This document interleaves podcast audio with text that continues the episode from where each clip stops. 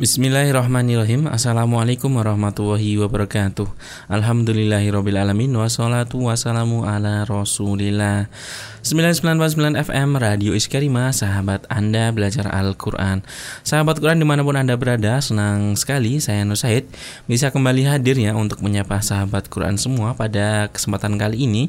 Tentunya di program kesayangan kita Yaitu Makon Ataupun juga Yang biasa dikenal dengan Majelis Takon. Yang mana pada program ini kita akan membahas beberapa pertanyaan yang sudah masuk dari uh, pendengar sahabat Quran semua tentunya.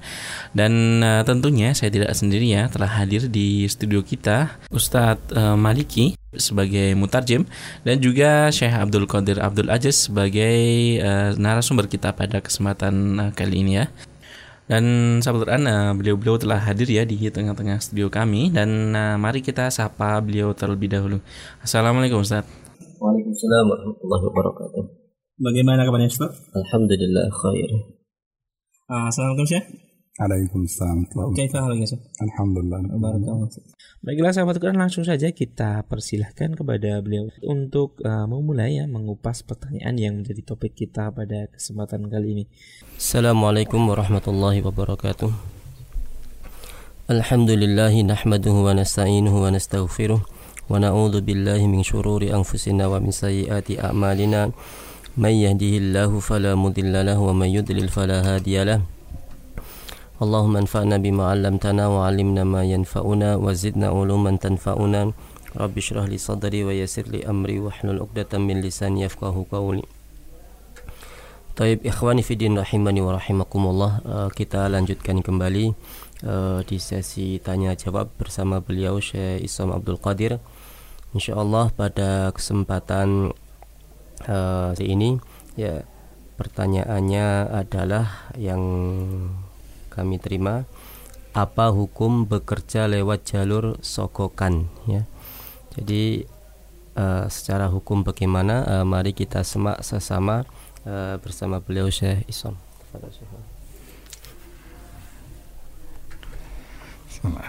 Assalamualaikum warahmatullahi wabarakatuh. Waalaikumsalam warahmatullahi Bismillahirrahmanirrahim. Alhamdulillahi Rabbil Alamin والصلاة والسلام على أشرف الخلق وأطهرهم وأزكاهم محمد بن عبد الله صلى الله عليه وسلم. الرحمة المهداة والنعمة المسداة والسراج المنير البشير النذير. اللهم أحينا على سنته وأمتنا على ملته وارزقنا شفاعته وارفقنا صحبته في الفردوس الأعلى ومتعنا بلذات النظر إلى وجهك الكريم. اللهم آمين يا رب العالمين. اللهم سلمني وسلم مني. اللهم سلمني وسلم مني. اللهم سلمني وسلم مني. أما بعد. بالأمس كنا قد تكلمنا عن حكم العام للرشوة وكنا أن حكم الرشوة كحكم عام. باتفاق الفقهاء جميعا فإنها حرام وأنها كبيرة من الكبائر التي تستوجب اللعنة أو الطرد من رحمة الله سبحانه وتعالى. وكنا قد بدأنا في ذكر بعض الأدلة وذكرنا قول الله سبحانه وتعالى ولا تأكلوا أموالكم بينكم بالباطل وتدلوا بها إلى الحكام لتأكلوا فريقا من أموال الناس, الناس بالإثم وأنتم تعلمون. وذكرنا كذلك حديث النبي صلى الله عليه وسلم لعن الله الراشي والمرتشي.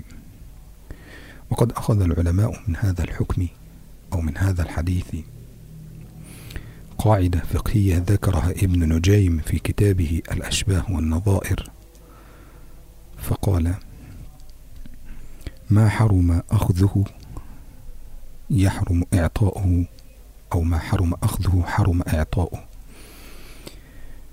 وذكر ذلك ابن تيمية في مجموع الفتاوى أيضا فقال ما حرم أخذه حرم إعطاؤه كمهر البغي وأموال الربا والرشوة أو الرشوة. Taib, uh, alhamdulillah kemarin beliau sudah berbicara tentang uh, hukum ini. Ya. Jadi hukum riswah atau sokokan, ya, ini seperti apa? Ya. Maka beliau kemarin sudah menyampaikan bahwa hukum riswah itu secara umum adalah uh, haram, ya, secara umum adalah haram, ya. Bahkan pelakunya dan orang yang mendapatkannya mendapatkan laknat dari Allah Subhanahu wa taala.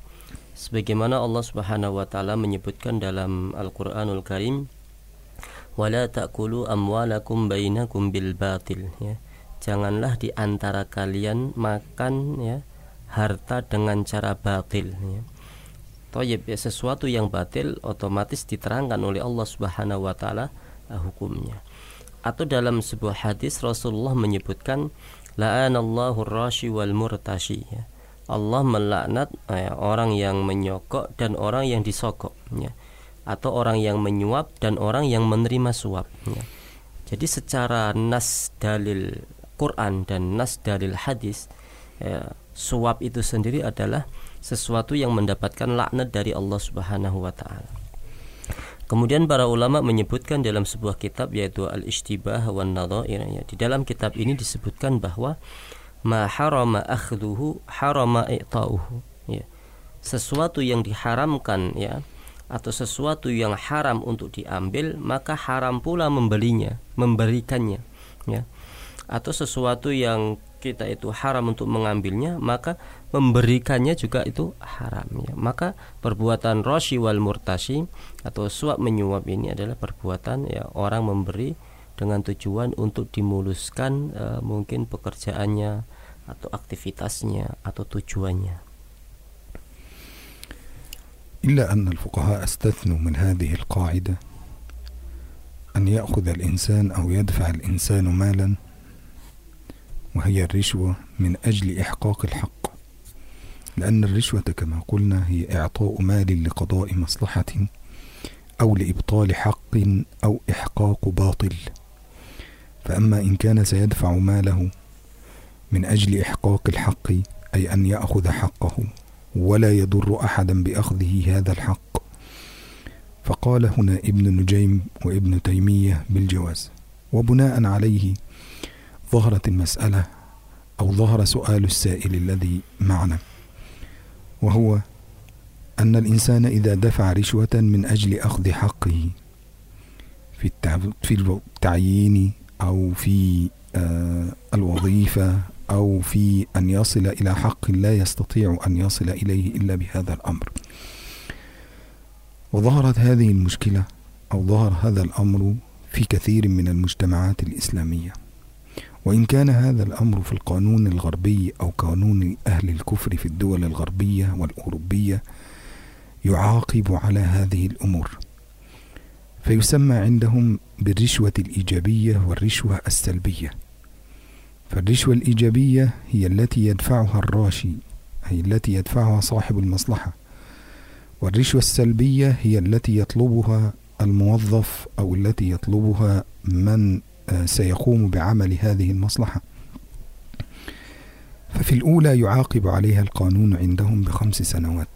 أي في الرشوة الإيجابية إذا كان هو يدفع من نفسه بدون أن يطلب منه أحد فيعاقب القانون عندهم فيها بخمس سنوات. والثانية يعاقب القانون فيها عندهم بثلاث سنوات وفي بعض الدول يصل إلى سبع سنوات هكذا طيب para ulama uh, fuqaha atau ahli fikih ya uh, di antara para ulama ini menyebutkan bahwa uh, riswah itu sendiri uh, ada yang uh, yang pertama adalah ihqaqil hukuk ya fi fil batil. Jadi untuk memuluskan ya jalannya atau perjalanannya tetapi dalam sesuatu kebatilan ya. maka ini adalah haram hukumnya ya. Jadi menyuap tetapi dengan tujuan batil ini ya. Kemudian yang kedua adalah apabila ia itu tidak mengambil haknya. Memang membayar tetapi dia tidak mengambil haknya atau bahkan untuk menegakkan uh, agama Allah Subhanahu wa taala ya. Maka ini uh, ada uh, dua ulama ya, yang di antaranya adalah Ibnu Taimiyah ada membolehkannya ya. Karena ini bukan dalam rangka kebatilan ya, ini. Kemudian juga di dalam konun al-gharbi atau undang-undang barat itu ya e, mereka sendiri membagi e, riswa itu dua ya yang pertama adalah ijabiyah yang kedua adalah salbiyah ijabiyah ini jadi orang yang menyuap itu memang e, apa namanya e, orang yang menginginkan apa menginginkan persoalannya itu mulus. Nah ini. Ini adalah ijabiyah. Kemudian yang salbiyah adalah memang e, contohnya seseorang melamar pekerjaan ya, melamar pekerjaan kemudian dia mendatangi apa namanya direktur mungkin ya atau dia mendatangi ketua e, pekerjaan itu kemudian memberikan e, sesuatu untuk supaya dia diterima ya. Ini juga salbiyah ya disebut adalah salbiyah. Maka konun al-ghorbi ini memberikan undang-undang siapa yang melanggar uh, riswa ijabiyah ini ya, maka dia terkena denda lima tahun. Kemudian yang salbiyah itu tiga tiga tahun ثم اختلف الفقهاء في هذه المسألة على مذهبين. وكان خلافهم هل هي حرام مطلقا ولا يجوز الاستخدام بها أو لا يجوز استخدامها حتى ولو كان ذلك إلى الوصول إلى الحق أم أنها إذا كان فيها إحقاق حق فيكون الإثم على الآخذ وليس على الذي دفع؟ وانقسموا في ذلك إلى مذهبين المذهب الأول وهو مذهب الجمهور.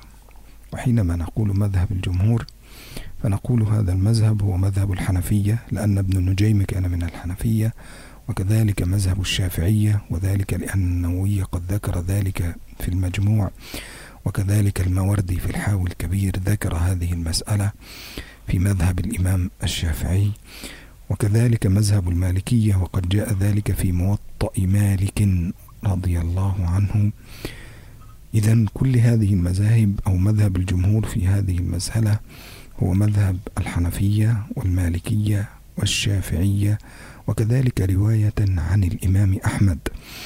فقالوا بجواز دفع الرشوة للحاكم أو للقاضي إذا كان لا يمكن الوصول إلى المصلحة أو لا يمكن عمل المصلحة وإنهائها إلا بتقديم هذه الهدية أو بتقديم هذه الرشوة أو بتقديم الإكرامية كما كنا نقول قبل ذلك بالأمس Taib. Kemudian para ulama juga membagi dalam hal ini pada dua madhab ala madhab ini ya. Yang pertama adalah apakah uh, riswa itu hukumnya adalah haram mutlak atau ghairu mutlak ya. Jadi haramnya memang semua diharamkan ya secara mutlak atau memang ada istisna yaitu pengecualian. Ya, sedangkan jumhur ulama ya di antaranya adalah Imam Abu Hanifah, kemudian Imam Syafi'i, kemudian Malikiyah, madhab Malikiyah ya. Ini bahwa uh, jumhur ini menyebutkan jawazu daf'ir riswah diperbolehkannya ya membayar uh, riswah atau sokoan ini idza kana apabila la yumkin ya illa bidaf'iha ya tidak mungkin dia mendapatkan haknya secara benar artinya tidak melanggar perintah Allah kecuali setelah membayar apa namanya sesuatu itu ya maka ini ada istisna pengecualian ya di dalam hal dalam hal ini وقالوا هنا أن الإثم يكون على الذي أخذ أي على الآخذ وليس على الدافع نفسه وبالتالي فإن الذي يدفع الرشوة في هذه الحالة للوصول إلى حقه فليس عليه وزر ليس عليه وزر ولا ذنب. أما الذي عليه الذنب فهو الذي طلب هو الذي طلب الرشوة أو هو الذي عطل المصلحة حتى لا تنقضي من أجل أن يأخذ هذه الرشوة. واستدلوا على ذلك بعدة أدلة. أولها دليل من السنة رواه مالك في موطئه.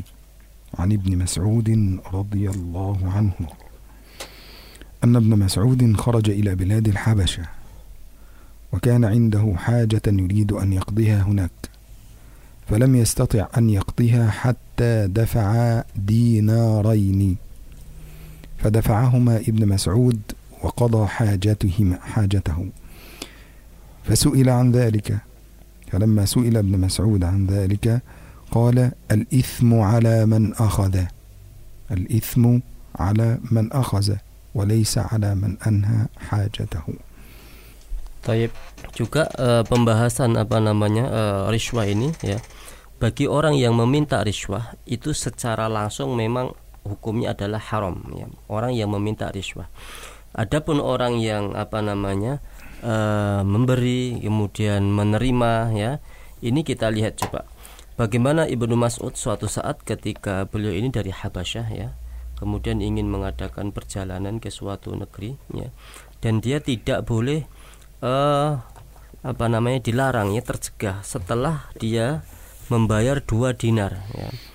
Maka kemudian beliau mengatakan ya al ismu alaman akhoda dosanya itu bagi orang yang mengambilnya ya jadi karena memang uh, beliau yang memberikan ya bisa jadi mungkin memberikannya terpaksa, bisa jadi memberikannya apa namanya tanpa keikhlasan.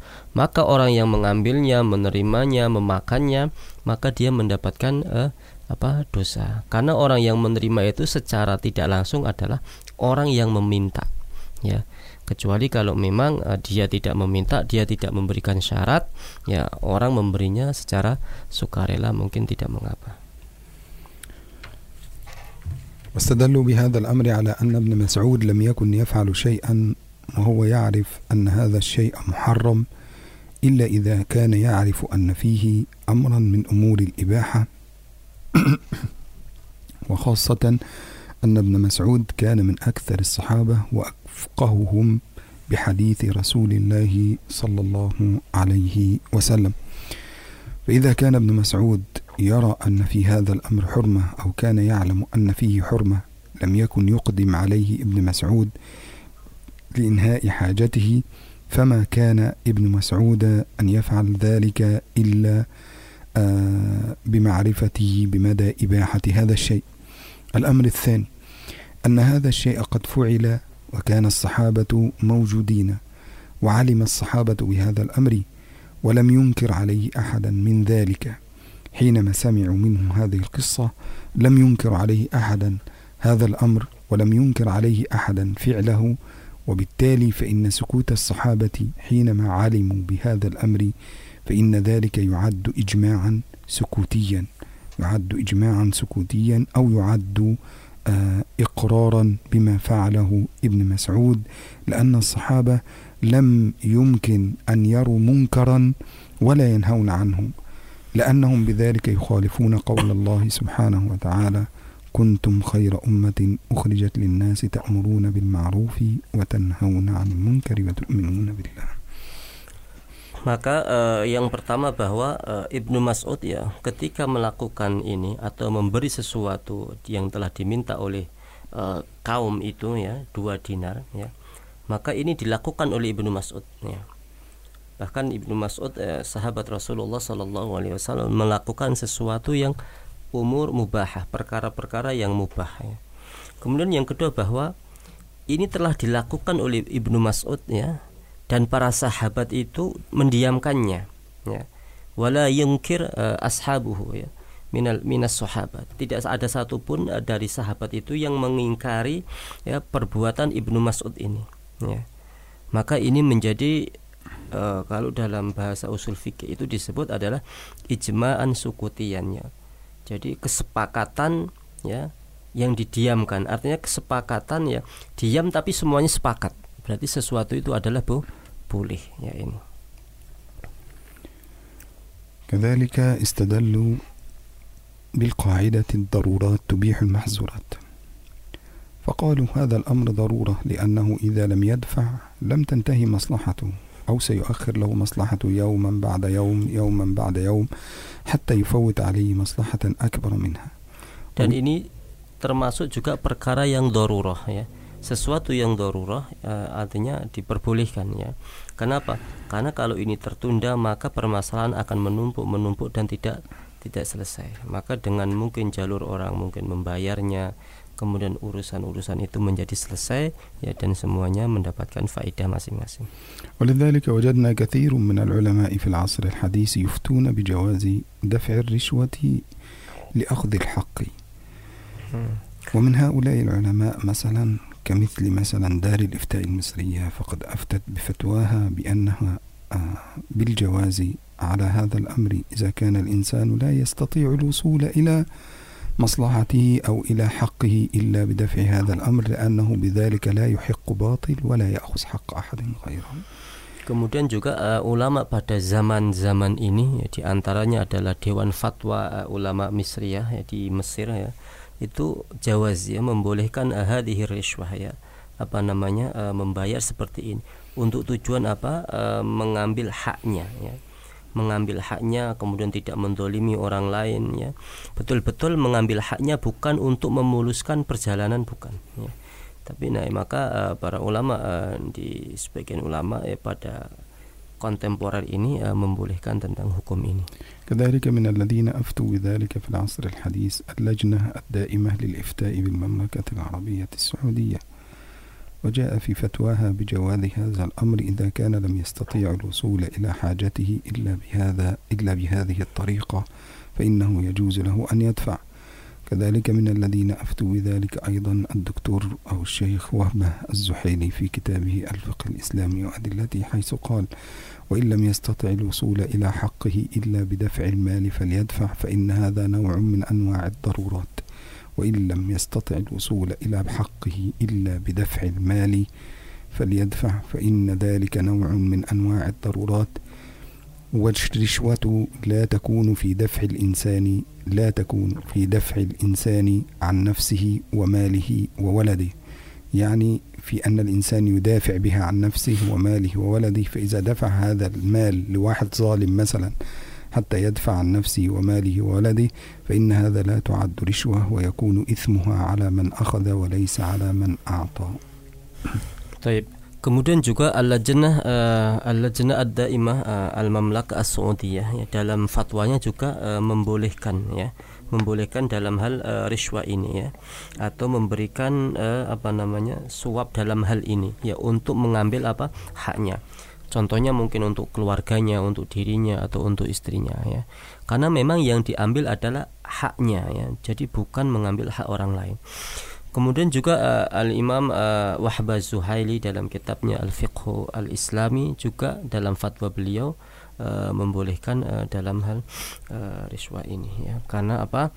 Karena ini berkenaan dengan mungkin uh, diri seseorang, kemudian suaminya, kemudian anaknya tanpa uh, mendolimi orang lain.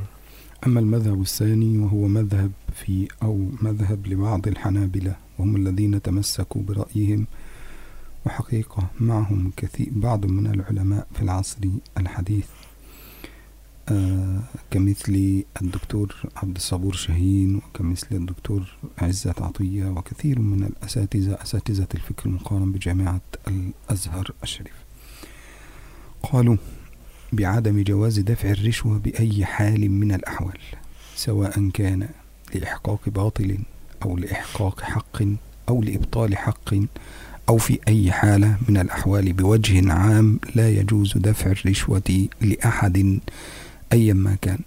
فإذا دفعت الرشوة أي إذا دفع الإنسان الرشوة إلى أحد حتى ولو كانت مصلحته لا تنقضي فتكون فيكون الإثم على الراشي وعلى المرتشي وعلى الوسيط الذي بينهما أي الذي يكون في المنتصف ينهي العمل بين هذا وبين هذا. Baik, kemudian juga yang kedua bahwa uh, sebagian uh, daripada pengikut uh, madhab uh, Ba'dul Hanabila atau murid-murid Hanabila atau uh, madhab Hanabila sendiri uh, di antaranya adalah uh, Imam Azhar Atiyah ya. Ini uh, melarang secara mutlak ya mengharamkan secara mutlak uh, riswah yaitu uh, apa namanya baik itu dalam hal kebatilan atau dalam hal uh, kebenaran ya. Maka uh, kita nanti tinggal milih yang mana ya. Semuanya ada apa namanya ada landasannya ya landasan keilmuannya ya. maka beliau uh, Ba'dul Hanabila ini melarang betul-betul melarang mutlak. Ada murif uh, apa namanya uh, al-akhdhu ar-rishwa yang tidak boleh sama sekali mengambil uh, bahkan orang yang menjadi perantaranya ya jadi orang yang membayarnya kemudian wasitnya atau perantaranya kemudian orang yang mengambilnya ya semuanya kena dalam hal apa namanya laknat Allah Subhanahu wa taala وقالوا بذلك واستدلوا على ذلك بعدة أدلة أولا الدليل الذي ذكرناه قبل ذلك وهو قول الله سبحانه وتعالى ولا تأكلوا أموالكم بينكم بالباطل وتدلوا بها إلى الحكام لتأكلوا فريقا من أموال الناس بالإثم وأنتم تعلمون. ولا تأكلوا أموالكم بينكم بالباطل هذا بين الناس بين عامة الناس بين إنسان وإنسان وتدلوا بها إلى الحكام هذا الذي قال عنه المفسرون بأنها الرشوة. آه لماذا؟ لأن الحكام هم مظنة الرشوة. التعامل مع الحكام هو مظنة الرشوة. غالبا الذي فوق يحتاج إلى المال حتى يساعد الذي تحت وهكذا أو بهذه الطريقة. طيب إيه، دليلnya أبا آه، dari pengikut Imam Ahmad bin Hanbal ini ya bahwa sebetulnya dalilnya sama ya. Sebagaimana yang kita sebutkan di atas adalah wala ta'kulu amwalakum bainakum bil batil wa tudalu biha ilal li ta'kulu fariqam min amwalin jadi kita ini dilarang mengambil ya, atau memakan harta di antara kita ini dengan cara batil. Atau bahkan uh, waktu deluna ilal hukam kita mendatangi hakim kemudian memberikan sesuatu kepada hakim. Ini adalah riswah ya sokokan ya. Maka uh, Imam Ahmad bin Hambal ini mengatakan tegas ya beliau tidak boleh seseorang itu melakukan ini meskipun dalam rangka apa ihqaqul hukuk yang menegakkan haknya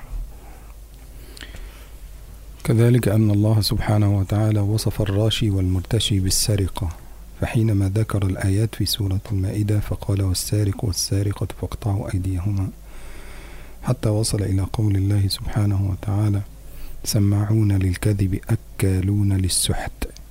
وقوله أكالون للسحت معناها الرشوة معناها الرشوة. وقد زم الله سبحانه وتعالى آكل الرشوة بأوصاف. يعني قد وصف الله سبحانه وتعالى آكل الرشوة أو المرتشي أو الراشي بأوصاف. فأما الوصف الأول في أنه سارق. لأن الآيات جاءت في سياق السرقة. فقال أولا أن المرتشي سارق. الثاني أنه يخشى عليه من الفقر آه يخشى عليه من الكفر. فقال يا أيها الرسول لا يحزنك الذين يسارعون في الكفر من الذين قالوا أمنا بأفواههم ولم تؤمن قلوبهم. الوصف الثالث أنهم منافقون. الوصف الرابع أنهم يسمعون للكذب ويكذبون.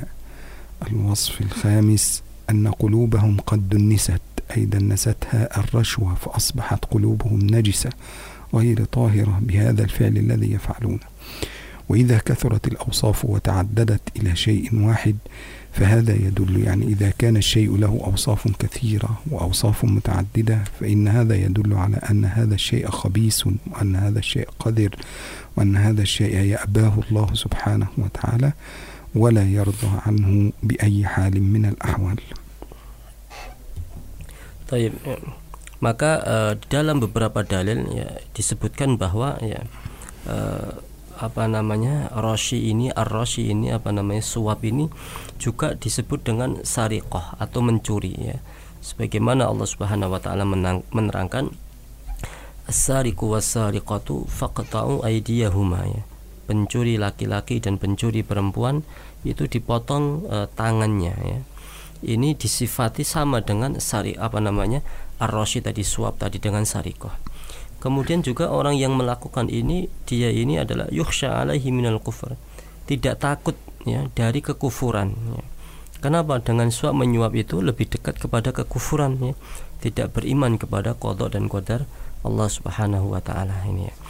Kemudian juga sifat ya selanjutnya adalah orang yang melakukan ini lebih dekat apa lebih cenderung kepada sifatul munafik ya sifat kemunafikan ini ya.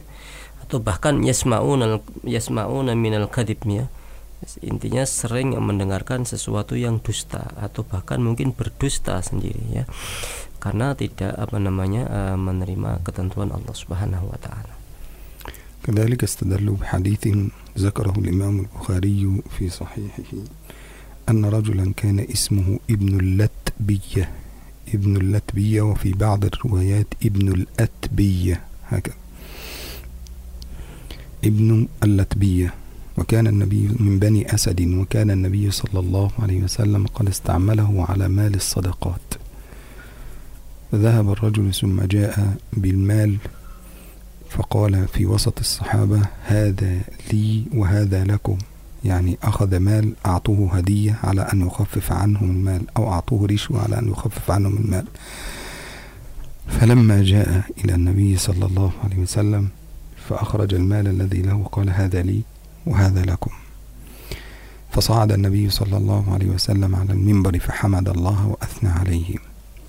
وقال ما بال العامل أو ما بال أقوام نبعثهم حتى يأخذوا أموال الزكاة فيأتون فيقولون هذا هدية لي وهذا هدية لكم.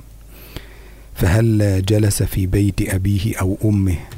يرى أيهدى إليه أم لا؟ يعني لو كان يجلس في بيت أبوه أو أمه ينظر هل كان أحد سيعطيه هدية أم لا؟ أعطوه الهدية لأننا أرسلناه من أجل جمع مال الزكاة فقط. فقال النبي صلى الله عليه وسلم والذي نفسي بيده لا يأتي بشيء يحمله. إلا جاء به يوم القيامة وهو يحملها على رقبته. إلا جاء يوم القيامة يعني الرشوة التي يأخذها تأتي يوم القيامة ويحملها في عنقه وفي رقبته. وهذا دليل على أن هذا الأمر خطير جدا. Maka uh, kita uh, perlu kehati-hatian ya apa apa namanya karena ada sebuah kisah bahwa ibnu Lati ibnu Latbiyah. Latbiyah ya. Ada min min sahabat Naam. Hada min Bani Asad. Dari Bani Asad gitu ya datang dengan membawa uh, harta ini ya membawa harta kemudian dibagi kepada teman-temannya. Hadalaka wa hadalakum ya. Atau hadali wa hadalakum ya. Ini milikku dan ini milikmu ya. Seperti itu ya. Kemudian uh, ketika itu Rasulullah Shallallahu Alaihi Wasallam melihat dan mendengar kemudian beliau naik mimbar ya dan mengucapkan bahwa uh, sesungguhnya uh, riswah ini ya nanti akan ya dikalungkan bahkan dipakaikan ya, kepada orang yang baik yang memberi atau yang menerima pada hari kiamat ya dikalungkan di leher di leher mereka dan ini merupakan apa namanya kehati-hatian ya, kita semua terhadap perkara ini كذلك استدلوا بحديث النبي صلى الله عليه وسلم لعن الله الراشي والمرتشي والرائش. الراشي هو الذي يدفع والمرتشي هو الذي يدخل أو الذي يأخذ والمرتشي هو الذي يكون بينهم. ماذا؟ وسيطة الوسيطة التي بينهم. هذا يسمى بالرائش الواسطة التي بينهم. فلعن النبي صلى الله عليه وسلم في الرشوة ثلاثة الدافع المعطي والآخذ والواسطة التي بينهما. وكل أمر يستحق اللعنة يستحق الحرمة Maka juga uh, pendapat yang kedua ini juga ber, apa namanya uh, berpedoman kepada hadis Rasulullah Sallallahu Alaihi Wasallam la'anallahu al-murtashi الراشي warrashi الراشي والمرتشي arrashi wal murtashi والرائش warraish ya. Jadi orang yang memberi suap, kemudian orang yang menerima suap, kemudian perantara orang yang memberi suap ya. Jadi dalam tiga rangkaian ini Allah Subhanahu wa taala membenci bahkan melaknat dijauhkan dari rahmat Allah Subhanahu wa taala ya. Ini bentuk kehati-hatiannya kepada siapa pun mungkin di antara kita yang yang mungkin punya posisi tertentu kemudian tidak jalan kalau tanpa sesuatu ya. Ini uh, lebih apa namanya? Kehati-hatian seorang ulama pada waktu itu dan mudah-mudahan Allah Subhanahu wa taala juga memberikan kepada kita kehati-hatian dalam hal ini. كذلك قالوا بأننا لو فتحنا أن هذا من باب الضرورة فإننا سنفتح باب الضرورة للناس. وبالتالي فإن الناس سيتساهلون في أخذ الأحكام. فسيذهب إلى أي مصلحة؟ يدفع الرشوة على اعتبار أنه أمر سيصبح هذا الأمر سهلا وبالتالي ليس فيه أمر بالمعروف ولا نهي عن المنكر. وبالتالي يصبح مثل قوم داود عليه السلام كانوا لا يتناهون عن منكر فعلوه كما ذمهم الله سبحانه وتعالى كانوا لا يتناهون عن منكر فعلوه لبئس ما كانوا يفعلون Maka kalau seseorang membuka bab tentang darurah, dikit-dikit darurah, sedikit-sedikit darurah, maka ini boleh dalam ilmu fikih tapi sangat berbahaya ya. Artinya apa? Perlu kehati-hatian ya, perlu kehati-hatian.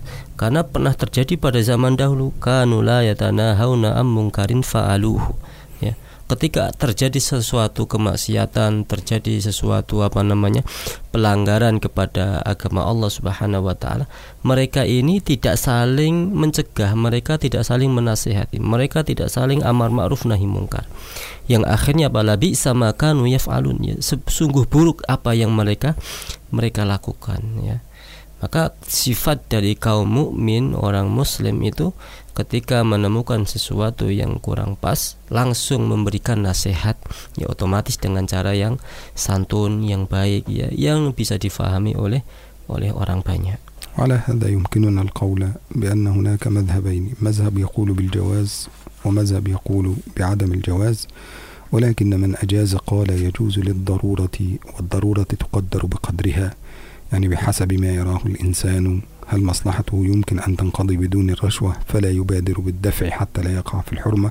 وإن كان مصلحته لا تنتهي بذلك فيمكن أن يأخذ برأي من أجاز. والله سبحانه وتعالى أعلى وأعلم.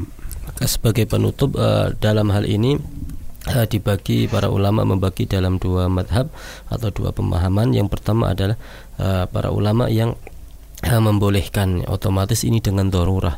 Nah dengan keterpaksaan keterpaksaannya ini dorurahnya ini ya memang nanti ada tingkatan-tingkatannya supaya orang tidak menggampangkannya. Kemudian yang kedua adalah adamul jawas mutlak. Betul-betul tidak boleh ya mutlak. Karena apa? Kehati-hatiannya ya. Taib ikhwani fidin rahimani wa rahimakumullah. Uh, inilah yang disampaikan oleh beliau. Mudah-mudahan bermanfaat untuk kita semuanya.